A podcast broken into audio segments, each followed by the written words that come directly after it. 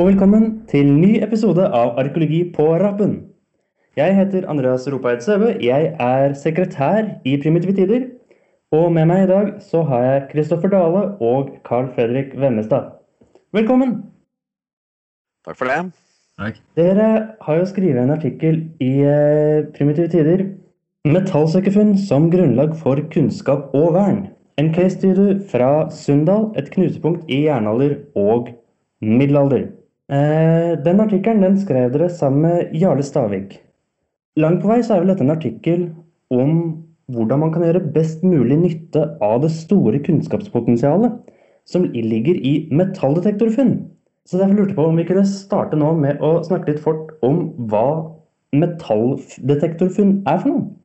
Jo da, Utgangspunktet er jo det at det er veldig mange som har fått skaffa seg metalldetektor de siste ti åra, og som har gått rundt på, på, jorda for å lete etter gamle gjenstander. Og Dette har jo resultert i at det dukka opp mange oldfunn, altså funn som er fra jernalder og middelalder. Og Det er en tendens som vi ser i grunnen over hele landet, og funnmengden hos oss er vel ikke spesielt store i forhold til andre plasser. Men uh, hos oss er det særlig mange funn da i Sunndalen, som ligger lengst inne i fjordene på Nordmøre.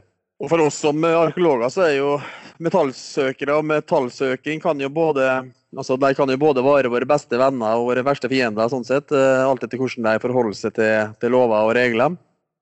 Men vi har i fall hatt et veldig godt uh, forhold til detektormiljøet da i Sunndalen helt siden jeg gjorde de første funnene for en, litt over fem, eller i 2014 var vel det første funnet som ble meldt inn til oss.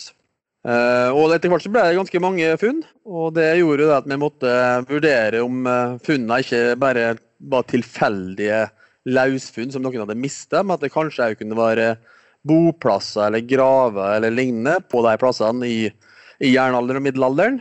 Og Det vil jo da bety at disse områdene er det vi kan kalle automatisk freda etter kulturminneloven. Hva innebærer det, da? Nei, Det betyr jo da at en ikke har lov til å søke der mer, f.eks. Og det er heller ikke lov å gjøre andre eh, tiltak der. Er det et, et, bevart kontekst, en bevart hel boplass som fortsatt ligger der? Nei, det er jo det som er litt av spørsmålet. Vet jo, I utgangspunktet så vet vi jo veldig lite hvor, hvor mye som ligger igjen under, under, bakken. For ifølge lova så er det jo slik at det er alle spor etter boplasser, graver og andre typer ting som er freda det kan, som Normalt så snakker vi jo da om strukturer, altså ting som er spor etter huset, spor etter graven som vi finner under bakken, som er bevart. Men på samme måte som vi definerer steinalderboplasser på bakgrunn av flintfunn, så kan jo òg boplasser, graver og andre lokaliteter bli definert på bakgrunn av gjenstander fra jernalder og middelalder, altså senere perioder. Og dette er jo blitt presisert av Riksantikvaren i nasjonale retningslinjer som det er laga i 2017. Men det er likevel veldig vanskelig å trekke denne linja. Når er det liksom nok funn til å si at dette her er at vi er sikre på at her har det vært en boplass, her har det vært ei grav. Men hvis det da blir freda, hva skjer med området da? Nei, da, som sagt, da, er ikke, da, er det jo ikke lov å sette i gang tiltak som kan skade eh, kulturminner. Men der er det et unntak, og det gjelder jordbruket. De, er, de får lov å fortsette eh, jordbruket som før. De har ikke lov å pløye dypere, men de får lov å holde på som før, med mindre det er med eh, ned foten. Og det er jo ganske vanskelig å gjøre. for Dette er jo ganske store områder med funn, og på en måte hindre all bruk av jorda er, er et stort inngrep i forhold til jordbruket. Jordbruket er en veldig stor trussel da, for disse lokalitetene. På første synfaringa vi hadde i 2014, eh, så, eller 2015 var det vel, da dokumenterte vi fure på, altså pløyefure på opptil 60 cm. For her i dette området her så er det da potetproduksjon, og det er en ganske sånn intensiv jordbruksform. Så dette her paradokset at vi på en måte stopper all videre søk og andre ting. Det er ikke lov å søke videre, men jordbruket får lov å fortsette. Det ble oppfatta som litt urimelig kanskje av eh, detektoristene der. og som ellers i landet, og kanskje òg med, med, rette. Så er, når man får påvist at det er mange gjenstander, så får man ikke lov til å leite etter flere, men eh, plogen får fortsette å herpe dem? Eh, det kan du si, ja. I utgangspunktet så er det sånn. Ja. Det har jo dukka opp veldig mange fine gjenstander eh, som følge av at folk går med metalltektor, men allikevel så er jo ikke Det er ikke alle, som de sier, Metalltektoristene kan være vår beste venn, men det kan også være vår verste fiende. Det er jo mange arkeologer som rett og slett anser detektorister flest som, som nærmest fiender. Hvorfor det? Ja, nei, jeg tror uh, grunnen til at uh, mange har vært litt skeptiske til det, er jo det at uh, vi arkeologer vi er opptatt av kontekst. Og i og med at disse gjenstandene de ligger liksom i jorden, og man er ikke helt sikker på om de ligger i kontekst eller ute av kontekst, ja, altså at Om de ligger i en, i en, i en grav, da. At man graver ja. kanskje for dypt når man finner signalet, eller om, man, eller om gjenstanden er pløyd ut da, og er som man sier, kontekstløs. da. Sånn at eh, Det er nok mange som eh, er redd for at eh, metalldetektorister kan gå og ødelegge kulturminner uten at de selv kanskje er klar over det. At det er derfor man gjerne har villet begrense det istedenfor å Enkelte i hvert fall har lyst til å begrense det istedenfor å få mer av det. Slik som det også er i noen andre land, da, som vi ser. Har vel ganske ulikt syn på det her? Ja. I Sverige så er de veldig restriktive. Eh, og det skyldes jo i hovedsak eh, et par veldig grove lovbrudd som skjedde veldig tidlig i den der metalldetektorfeltet, kan vi si. da. Hvor eh, det var noen veldig rett og slett plyndringer da, av sånne skattefunn på Gotland bl.a.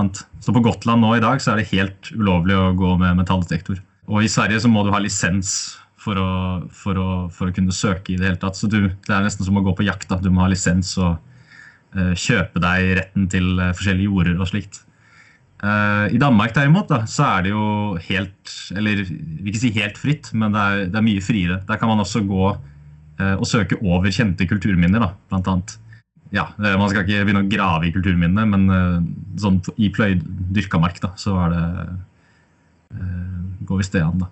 Her i Norge så har vi jo havnet på en litt sånn eh, blanding. I hvert fall før så har vi det. Eh, hvor det er lov å søke, men det er jo ikke lov å søke på kjente kulturminner. Eller nå i nærheten. Den debatten her den har jo dere skrevet dere inn i. Og det har dere gjort med et case study fra Sunndal. Dere har jo nevnt at Sunndal ligger på, på Nordmøre. Men uh, kunne dere gitt oss østlendinger en litt bredere introduksjon til det som for oss er et ganske eksotisk område? Ja, Sunndalen ligger veldig eh, godt til, da, lengst inne i, i fjordene. Og på en måte i overgangen mellom fjord og fjell og dalføra innover i landet. Og dette her har nok vært en veldig sentral handelsrute i all tid. Og kan ha òg danna grunnlag for uh, maktsenter. Så det er nok ikke helt tilfeldig at det dukker opp så mange funn her. Både i form av mer regulære bosetning og gravfunn, og, og, og funn som kanskje indikerer handel og produksjon.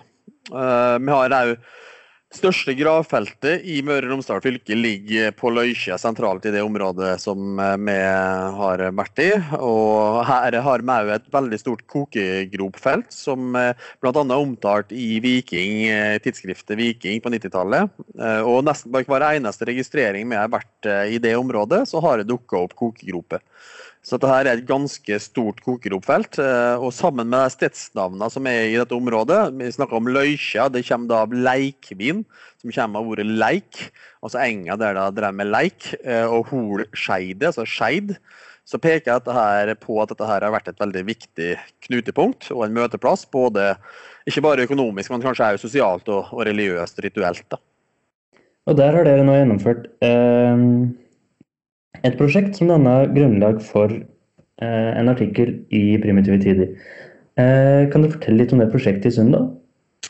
Ja, vi fikk skrapa sammen litt ressurser til å gjennomføre et uh, prosjekt uh, der, i det området der det var gjort uh, veldig mange funn. Sammen med lokale museet og detektoristene, som òg deltok. Og en Carl Fredrik, som da var student og hospiterte hos oss i Møre og Romsdal på det tidspunktet. Og Hovedmålet med dette her prosjektet var jo først og fremst det å avklare vernestatusen. Er dette her faktiske funn? Er det funn der? Er det kontekster under der som er, er, kan supplere de gjenstandsfunnene? Og så var det jo litt for å se på det skadeomfanget etter det moderne jordbruket. Uh, er alt tapt uh, av sånne kontekster som dere snakka om? Uh, og så var jeg jo litt nysgjerrig på dette forholdet da mellom gjenstandsfunnene som er i pløyelaget og strukturene under markoverflata.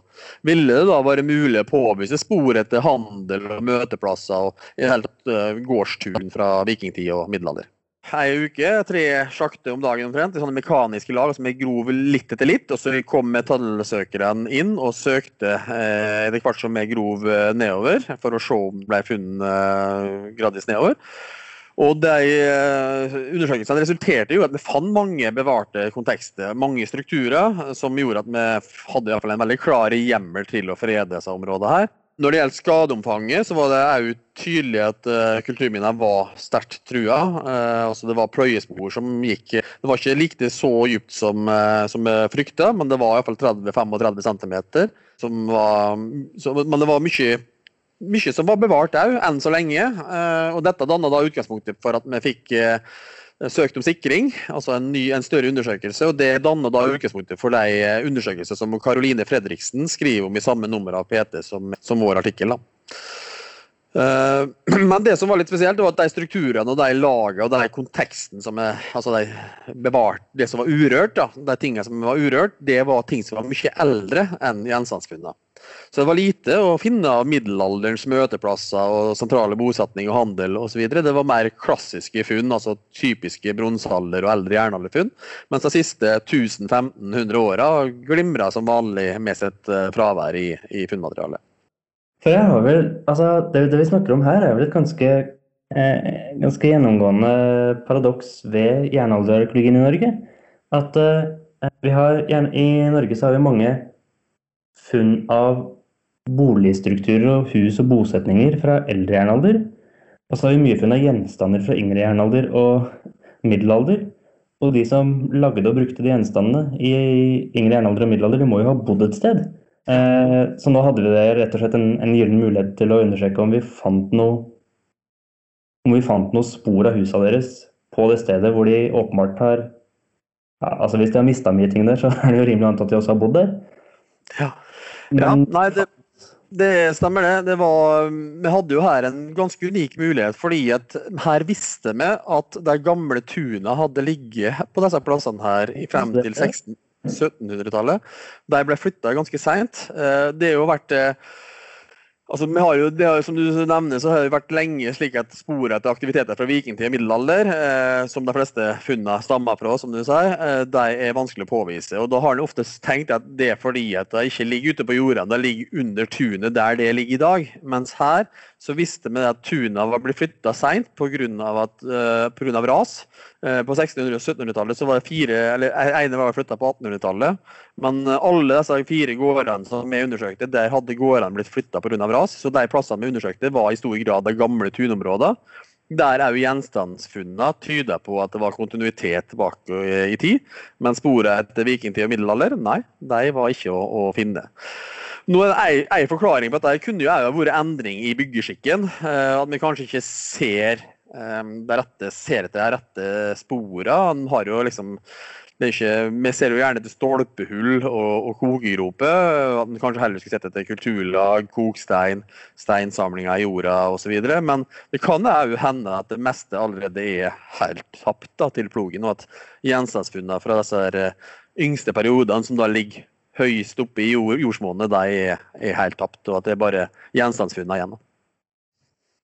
Så der har vi allerede et ganske spennende funn fra, uh, fra undersøkelsen deres. Men fant dere ut mer? Ulike funksjonene og, og som spredningene og utfordringene som er knytta til, til, det. Uh, det er jo en artikkel nå i PT som kom som, er, som er litt inne på det samme, men han konkluderer med at det er vanskelig å Eh, den nye og Det er muligheten mens jeg ser utfordringene. vi, fant, eh, vi prøvde i hvert fall å finne ut om eh, disse gjenstandene kunne si oss noe mer enn bare hvor eventuelle kulturminner lå, og se om vi kanskje kunne identifisere hva slags type kulturminner det var som kunne være pløyd ut da, på disse områdene hvor det ble funnet så mye funn. og da gikk vi litt i, sømmene på funnene, siden de i Eh, mer eller mindre var fjernet fra den konteksten da, som vi um, snakket om tidligere.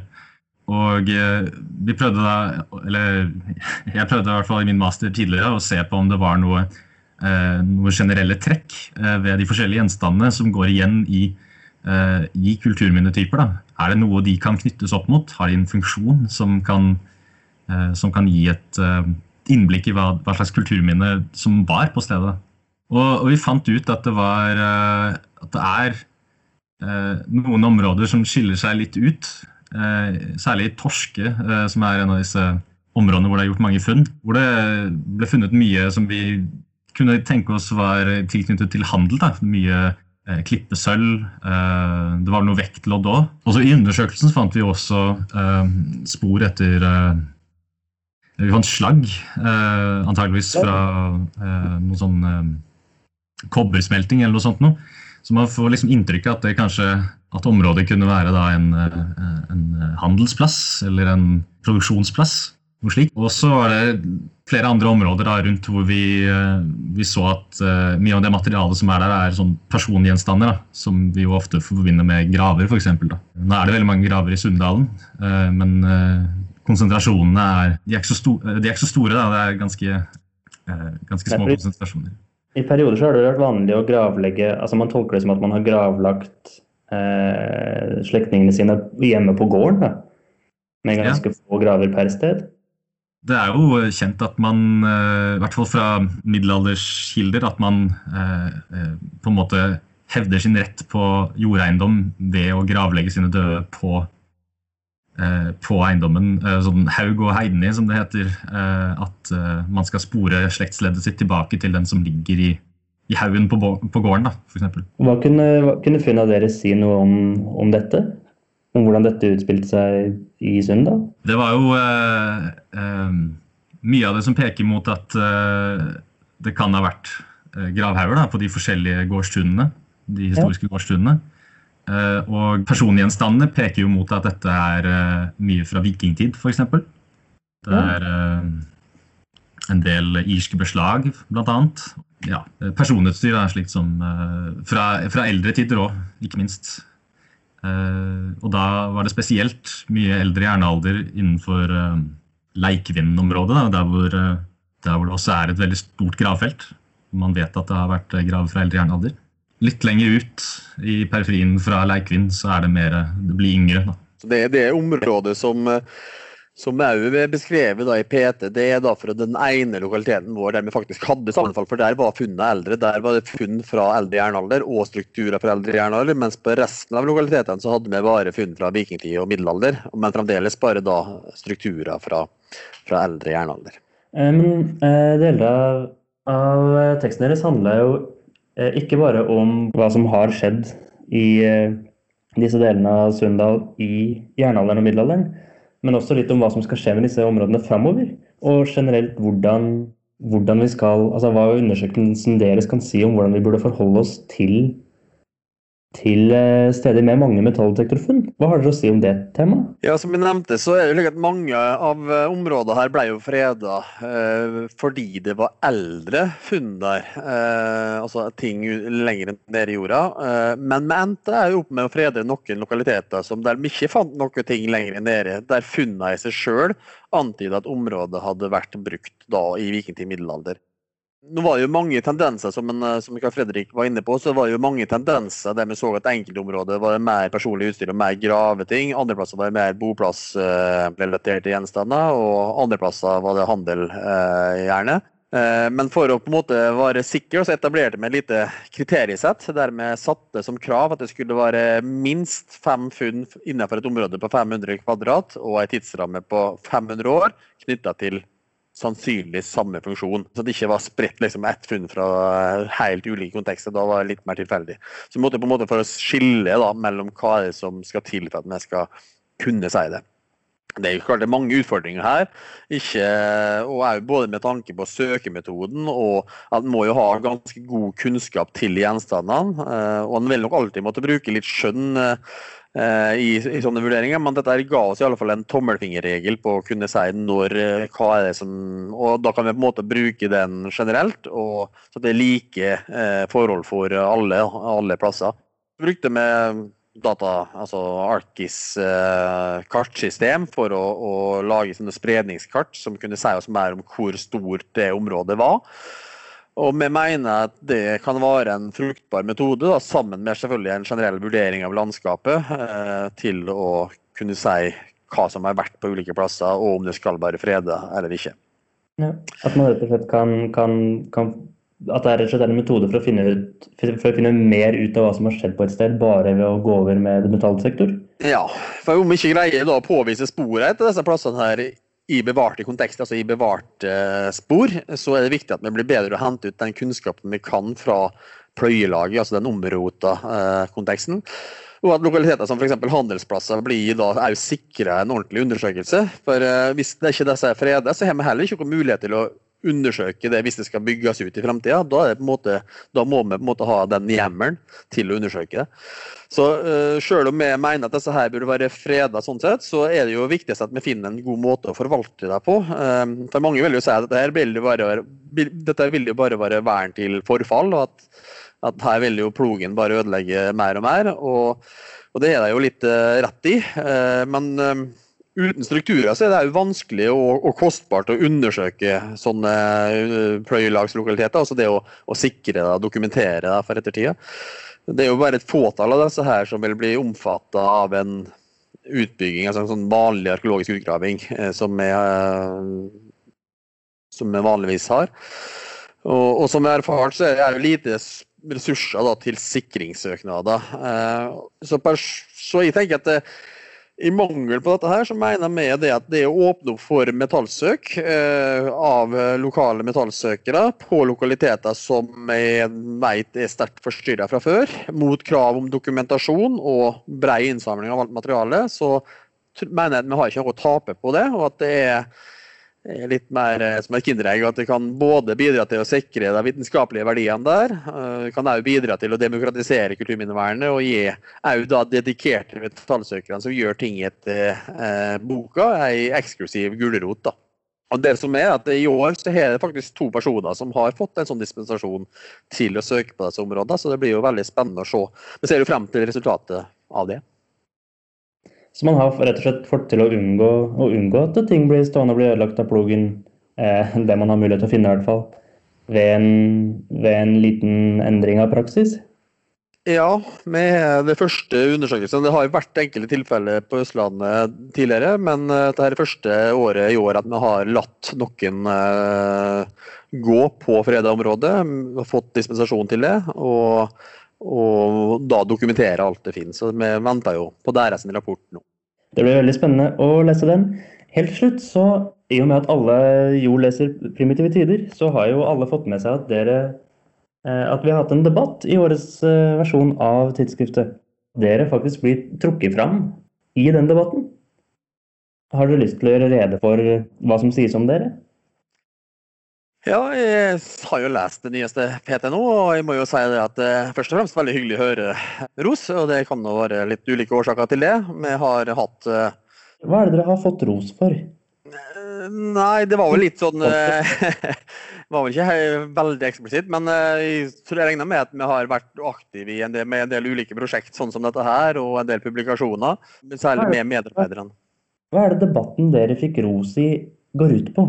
Nei, den debatten gjelder jo, den uh, større debatten gjelder jo det med regionreformer og, og oppsplintring av de akademiske fagmiljøene eh, rundt universitetet.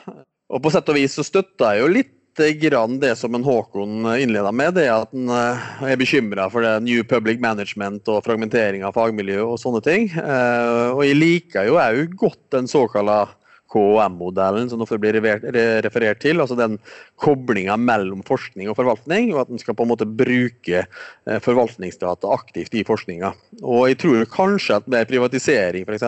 så kunne ha mista en del av det. Men samtidig så mener jeg at det regionale leddet som vi utgjør, da, i større grad burde vært involvert i en sånn modelltenkning. Både på forsknings- og forvaltningssida. Eh, for det at vi greier å påvise nye lokaliteter, og ikke minst nye typer lokaliteter, er jo, jo forutsetninger for å kunne bygge ny kunnskap. Eh, for at universitetet skulle kunne grave ut nye områder. Og dette har vi ganske stor fokus på. Og mens museet kanskje har mer detaljkunnskap rundt ulike lokaliteter, så har vi ganske eh, god oversikt og kjennskap til de lokale landskapene som er forvalta. Og det gir på en måte en annen innfallsvinkel, da, eh, og alternativ innfallsvinkel til den dybdekunnskapen som en får ved ei utgraving. For det som har skjedd, det er at eh, vi i Primitive Tider har hatt en debatt om regionreformen. Og I den regionreformen så skal mye myndighet overføres fra sentralt hold og til regionene. Og noe av den myndigheten som overføres, er mye av kulturminnemyndighetene. Noen har jo da frykta at det kan føre til en, en viss svekkelse av kulturminnevernet. Og at eh, man ikke får den, den spissa fagkompetansen som man får når det er sentralt hold som står for mest mulig av utgraving og kulturminnevern. Mens eh, f.eks. Håkan Petterson ved eh, Arkeologisk museum i Stavanger trekker fram dere og den forskninga dere har gjort, som et eksempel på at, eh, på at, lokale aktører kan være fullt i stand til å drive utgraving og forskning på et høyt nivå. Men jeg forstår det som at dere ja, at dere stiller dere litt på sida av denne debatten? Ja, Det var vel kanskje ikke så mange fra, fra regionalt hold i, som uttalte seg i den debatten, som jeg ikke husker rett. Så, men, men altså, det jeg kan si, er jo at uh, jeg har jo mye jeg kan sagt om regionreformer. Uh, det, først og fremst er det jo slik at Museet beholder jo sin rådgivende funksjon. Det er jo det som er Forskjellen er at vi tar over som myndighet i stedet for Riksantikvaren. Det er jo det som er hovedforskjellen her. Og jeg tror... Hmm? Hvilken myndighet da? Hvilken myndighet til å Det er da myndigheten til å si, f.eks. sånn som i, i Sunndal nå, at uh, noen får lov til å gjøre noe med automatisk freda kulturminne. Altså gjøre inngrep der eller ikke. Og Der har en jo da frykta at vi ville være mer løsslupne i regionene og bli styrt av politikere som ønsker å bygge ut, og at dette her får store konsekvenser da for, eh, for kulturminner. Når det gjelder det, så, så, tror jeg allikevel ikke det, vi skal være så veldig redde for det. Eh, Selv om jeg følte òg det systemet vi hadde før fungerte veldig godt. Eh, men jeg tror ikke det er noe som tyder på at det vil bli noen drastiske endringer her. For vi som jobber i regional kulturminneforvaltning, vi er jo først og fremst arkeologer. med og utdanna ved universiteter og har jo faglig integritet og store nettverk innenfor fagmiljøet. så og det en òg fort glemmer, er jo at vi helt siden 1990 både har hatt rådgivningsplikter og innsigelsesmyndighet etter plan- og bygningsloven. Så det, det betyr da eh, det er litt komplisert, det der, men det betyr at de aller aller fleste saker er det vi som stopper før de kommer til museet til uttale eller Riksantikvaren. For vi har jo hele tida kunnet stoppe ting som er helt uaktuelt. Uh, og vi har jo òg vært den som har gitt råda til uh, museet og Riksantikvaren før. og Stort sett så har det vært veldig stor grad av enighet hele veien. Og Det er ingen stor grunn til å tro at vi som saksbehandlere vil vurdere sakene vesentlig annerledes nå, uh, eller annerledes enn museet. Og, dersom jeg skulle da bli overkjørt av egne politikere, så finnes det òg gode sikkerhetsventiler for det. Uh, i fall Hvis en fra statlig hold mener at det er nødvendig å gripe inn, så har en mulighet til det. Det var det vi rakk i dag. Tusen takk til dere, og tusen takk til alle som hørte på. Primitive Tider er uh, ute, som sagt, med nytt nummer, som er uh, tilgjengelig på journals.uio.no. Der finner dere også artikkelen til Carl Fredrik, Jarle og Kristoffer. Så vil jeg bare si takk for oss.